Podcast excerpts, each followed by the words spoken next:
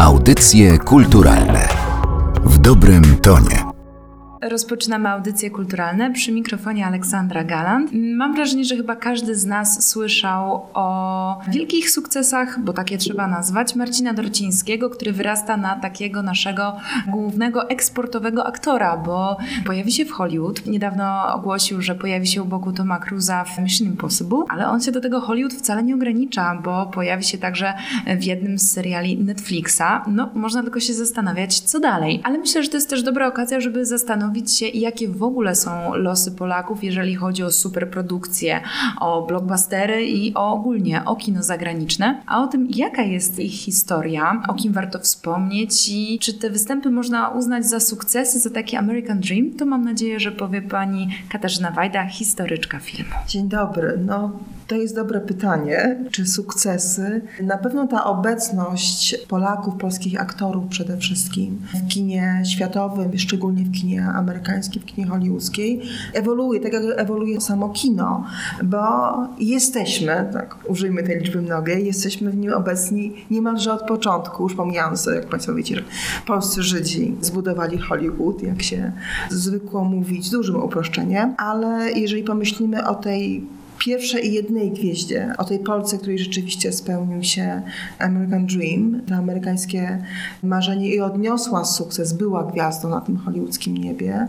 O Poli Negri, no to mówimy o kinie niemym, czyli mówimy o zupełnie innym kontekście. To kino nieme było rzeczywiście kinem globalnym. Gwiazdy krążyły pomiędzy różnymi kinematografiami, zmieniały te nieba, ponieważ język mówiony nie był narzędziem artystycznym. Był obraz, liczyła się mimika, wygląd, gestykulacja, oczy, a nie głos. Znajomość języka nie zamykała żadnych drzwi, przynajmniej większości z nich, bo oczywiście ona była bardzo ważna. Ważniejsza wtedy raczej z perspektywy reżyserów. Z perspektywy aktorów już mniej. Stąd Pola Negri, która zresztą była poliglotką, bo mówiła łącznie pięcioma językami, bo też do Hollywood trafiła przez Berlin, z Warszawy przez Berlin, już jako gwiazda de facto kina niemieckiego i pierwsza europejska tak naprawdę gwiazda filmowa, która została eksportowana do Hollywood.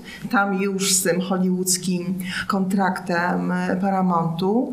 No i właśnie patrzymy na, na historię Pauli Negri jako na historię sukcesu, chociaż to też mogła być e, historia może nie, nie porażki, ale takiej pewnej dwuznaczności. Co to znaczy osiągnąć sukces w Hollywood? Czy to jest sukces mierzony wysokością honorarium, czy sukces artystyczny? To jest pytanie, które chyba często towarzyszy rozmowom i rozważaniom o Hollywood. Wydaje mi się, że to nie jest odosobniona opinia, że nie wszystkie filmy, które z tej fabryki snów wychodzą, mają dużą wartość artystyczną. Tak, no zwłaszcza jeżeli mówimy o tym okresie, o tym wczesnym Hollywood. W ogóle o tym Hollywood, systemie producenckim, gdzie to wytwórnie właściwie miały swoje gwiazdy na własność. I nie tylko kreowały je na ekranie, ale też ustawiało jej, mówiąc bardzo kolokwialnie, życie pozaekranowe. Ten wizerunek Planek jest świetnym przykładem właśnie takiej gwiazdy, w którą zainwestowano dużo pieniędzy, która zarabiała dużo pieniędzy, ale której talent nie rozwijał się tak, jak mógłby się rozwijać, bo to była bardzo utalentowana aktorka, fantastycznie odnajdująca się w tej manierze kina, kina niemego, z tą wyrazistością właśnie twarzy, urodą, fotogenicznością, mogłaby być. Fantastyczną aktorką komediową. Kilka filmów bardzo Państwu polecam. Spanish Dancer, hiszpańską tancerkę, gdzie ona właśnie gra taką postać na połowę komediową, czy cesarzową. Film hollywoodzki, ale zrealizowany w duecie z reżyserem Erstem Lubiczem, czyli jej Pigmalionem, tym, który właśnie w Berlinie z tego polskiego wampa, z tej bestii, używając tytułu polskiego filmu z nią, on uczynił aktorkę. Tam nie ma w tej hollywoodzkiej filmografii nie ma takich tytułów, które przebiłyby chociażby Madame du Barry niemiecką, chociaż też dzisiaj z perspektywy historii kina trochę doceniamy te filmy hollywoodzkie, w których, których zagrała. Pewnie mogłybyśmy rozmawiać też o takich punktowych występach, bo przecież nasi aktorzy się w różnych filmach pojawiają i pojawiali. Natomiast mam wrażenie, że taka druga postać, która się pojawiła i rzeczywiście mogła myśleć o byciu gwiazdą Hollywood, o taką byciu hollywoodzką aktorką, no to jest kilkadziesiąt lat później Joanna Pacuła, chyba że po drodze kogoś niesłusznie pominęłam. Po drodze pewnie mogła mogłaby być i chyba miała nadzieję na to, myślę tutaj oczywiście o Elżbiecie Czyżewskiej. Ale to jest chyba historia takiego dosyć spektakularnego odrzucenia przez Hollywood, bo to przecież nie wyszło. Nawet nie przez Hollywood w ogóle, bo to jest też, one się znały, Elżbieta Czyżewska i Joanna Pacuła, różniło ich mniej więcej jedno czy nawet dwa pokolenia, jeżeli chodzi o metryki, ale kiedy właśnie Joanna Pacuła w stanie wojennym została na zachodzie i znalazła się w Stanach, to właśnie Elżbieta Czyżewska, która w ogóle stworzyła taki dom otwarty dla polskich emigrantów, a ona jej pomagała. Jest film Anna, inspirowany tą historią, ale mówię o nich dwóch, dlatego że one tam traf, trafiły mając inny status w Polsce. Czyli Elżbieta Czyżewska, która pojechała właśnie za głosem serca i ze swoim amerykańskim mężem pod koniec lat 60. emigrowała z Polski. Ona była absolutną gwiazdą lat 60. Tą dziewczyną z tamtych lat, dziewczyną z lat 60. Kilka lat, wiele filmów, rozpoznawalność, talent, duży apetyt. I tutaj okazało się, że rzeczywiście, bo jesteśmy już w latach 60., przełom 70., i jednak ten język jest barierą. I okazuje się, że nie wystarcza pracowitość, nauka języka, że jednak ten jej angielski wystarczał na teatr off-Broadway, a jeżeli film, to epizody i najczęściej epizody charakterystyczne i ta zmora chyba w większości polskich aktorów w Stanach, czyli granie emigrantów. Nie albo, zawsze Polaków. Albo granie Rosjan. Polaków albo Rosjan, prawda? Bo to właśnie z punktu widzenia amerykańskiego, no niestety Słowianie to Słowianie. Więc rzeczywiście w przypadku Elżbiety Czyżewskiej to musiał być taki, nie chcę używać słowa upadek, bo ona była aktywna absolutnie jakby zawodowo do, do końca życia w tych różnych ofowych teatrach. Była aktorką rzeczywiście. Nie bez powodu ten film, dokument, on nosi tytuł aktorka, bo ona była aktorką. Nie zdołała, bo też no właśnie ten kontekst był inny.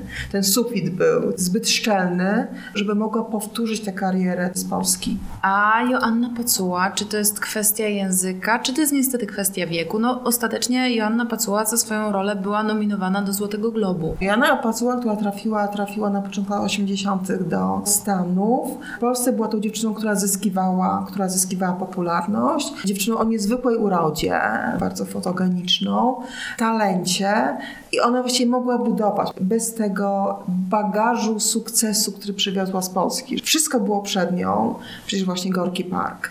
No i tutaj znowu, znaczy ja też myślę, że też ta różnica pomiędzy rynkiem polskim, jakbyśmy go w tych latach 80. też nazwali, filmowym, a rynkiem amerykańskim, ta niezwykła konkurencja jakościowa, no oczywiście, ale też ilościowa. Możemy tutaj się wyzłośliwiać. Los Angeles, gdzie każdy kelner jest tak aktorem, a nie kelnerem, więc tutaj myślę, że pewnie zabrakło trochę szczęścia w przypadku Janny Pacuły, a może po prostu wtedy tylko tyle się dało. Być może to było jej wytłumaczenie takiego obrotu spraw. Ona mówiła, że wyszła za mąż e, za człowieka. To chyba też był filmowiec, który bardzo mocno ingerował w ten dobór filmów, w których ona brała udział. No i ona w tym później upatrywała właśnie takiego, a nie innego przebiegu swojej kariery. Jest bardzo możliwe, to jest w ogóle też taka historia, która się powtarza. To jest też chociażby, może nie z hollywoodzkiej perspektywy, ale też inna nasza gwiazda eksportowa, czyli Barbara Kwiatkowska, niezapomniana Ewa. Z Ewa chce spać, urocza, zjawiskowa dziewczyna, która też bardzo szybko wypłynęła na to europejskie filmowe niebo. Zagrała kilka, a właśnie potem pojawił się mąż aktor, bardzo zaborczy i ta kariera po prostu została ucięta. W momencie, kiedy ona została taką dojrzalszą kobietą i właściwie te swoje najlepsze role zagrała jednak w Polsce.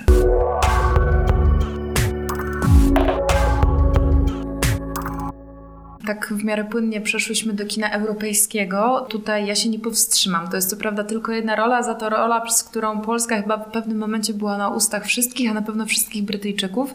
To jest Izabela Skorupko. Występ w jednym z filmów z serii tych o Jamesie Bondzie, czyli Golden Eye z 95 roku. Wiem, że są krytycy, którzy uznają, że to był najlepszy film o przygodach agenta 007. Jej droga do Golden Eye, do bycia jedną z tych dziewczyn Bonda, no, wiodła przez Szwecję, bo to jest też pytanie, czy gdyby ona była dziewczyną z Polski, wychowaną w Polsce i polską aktorką, czy rzeczywiście znalazłaby się na castingu i ten casting by, by przeszła. Tutaj też jakby nie wiemy, ile tu jest przypadków w tych ostatecznych obsadach. Na pewno bardzo dużo szczęścia. Bez Golden Aya też nie byłoby oczywiście Izabeli Skorupego, Heleny Kurcewiczówny. To był mocny chwyt taki, powiedziałabym, marketingowy Jerzego Hoffmana, który chciał przyciągnąć panów Bonda na Sienkiewicza. Ale też o Michale Żebrowskim i Izabeli Skorupko, czy też o Janie Skrzetuskim i Helenie się mówi, że to była jedna z najpiękniejszych par w polskim kinie. Na pewno lat 90., które były trudne dla polskiego kina i na pewno jako, jako właśnie bohaterowie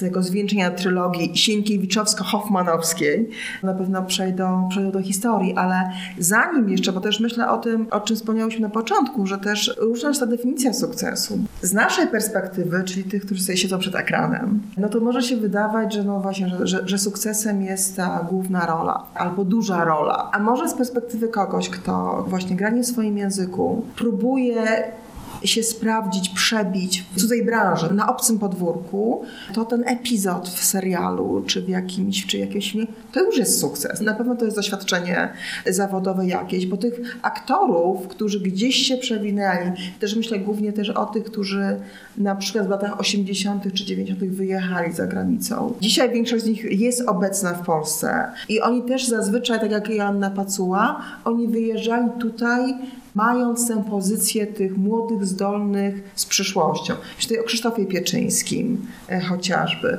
Wcześniej był Krzysztof Janczar, syn Tadeusza, Lilianna Komorowska, Małgorzata Zajączkowska, która zagrała przecież w strzałach na Broadwayu u Diego Alena, Pociąg do Hollywood, Katarzyny Figur, która przecież zagrała u Roberta Altmana w Preda Porte, gdzie zagrało mnóstwo aktorów, bo to taki film właśnie typowo altmanowski z wieloma postaciami. Ale przecież właśnie gdyby nie to, że była że była aktorką z Polski, to miała szansę na główną rolę kobiecą w Graczu. Tu było blisko. Plus jeszcze kilka filmów, które nawet nie pamiętamy tytułów, ale ten Altman w jej filmografii będzie. Beata Poźniak, JFK Olivera Stone'a. Tych aktorów i aktorek jest sporo. Izabela Miko, Alicja Bachleda-Curuś, Weronika Rosati. Tak, ale mam wrażenie, że te nazwiska, które pani wspomniała, to są osoby, które dosyć często borykały się z tym, że zapowiadały udział w jakimś dużym hollywoodzkim filmie, po czym pojawiała się informacja, że zostały wycięte. Z naszej perspektywy no to jest no, prawda, niewiele, ale z perspektywy właśnie tej aktorki, która dostała ten epizod, który wyleciał w montażu na przykład, to jest dużo. To jest trochę tak jak, jak ze sportowcami. Bierze się udział w maratonie czy w biegu i wiadomo, że na podium są tylko trzy miejsca. Czy to jest pytanie, czy właśnie jeżeli w biegu startuje 20 czy 30 zawodników, czy warto biec? No warto. Też myślę o tym, o czym mówił Marcin Dorociński właśnie, że on zanim właśnie mógł ogłosić, że będzie ta rola właśnie w Mission Impossible z Tomem Cruise'em przecież, że on wysłał 1200 self-tape'ów czyli tych nagrań, które się robi. Jeżeli mówimy w ogóle, dlaczego dzisiaj się mówi więcej o Polakach w kinie zagranicznym, w kinie amerykańskim, bo zmieniło się kino. Jest więcej możliwości. Są blockbustery z jednej strony, jest kino artystyczne, jest też większa taka wartość marketingowa polskiego kina, które odnosi sukcesy. Przecież Tomasz Kot, Joanna Kulik, dzięki Pawlikowskiemu, dzięki Zimnej Wojnie, też stali się aktorami europejskimi rozpoznawalnymi, więc możliwości, jakie dają platformy, jakie dają seriale, to wszystko sprawia, że właśnie tych szans jest więcej. Pandemia też spowodowała, że castingi zamieniły się właśnie w castingi online, że nie trzeba już lecieć do Los Angeles na przykład, do Londynu, tylko można to zrobić na Zoomie albo właśnie nagrać takiego self-tape'a, używając tego okropnego słowa. To, co napisał Marcin Dorociński po tym, ogłaszając właśnie ten sukces, który nam, powiem szczerze, to jest tak wybitny aktor, który ma takie możliwości, a teraz wchodzi w ten najlepszy okres, bo jest dojrzałym facetem, więc jakby on już nie musi być amantem, właściwie nigdy nie był takim amantem. Mógłby grać w polskim kinie, mógłby być europejskim, przecież ma takie doświadczenia. Z mojej perspektywy ten Tom Cruise, który mógłby tam, nie powiem, że nosić za nim teczkę, ale porównywalna skala talentów, absolutnie, ale spełniło się jakieś jego marzenie, więc to jest absolutnie fantastyczne.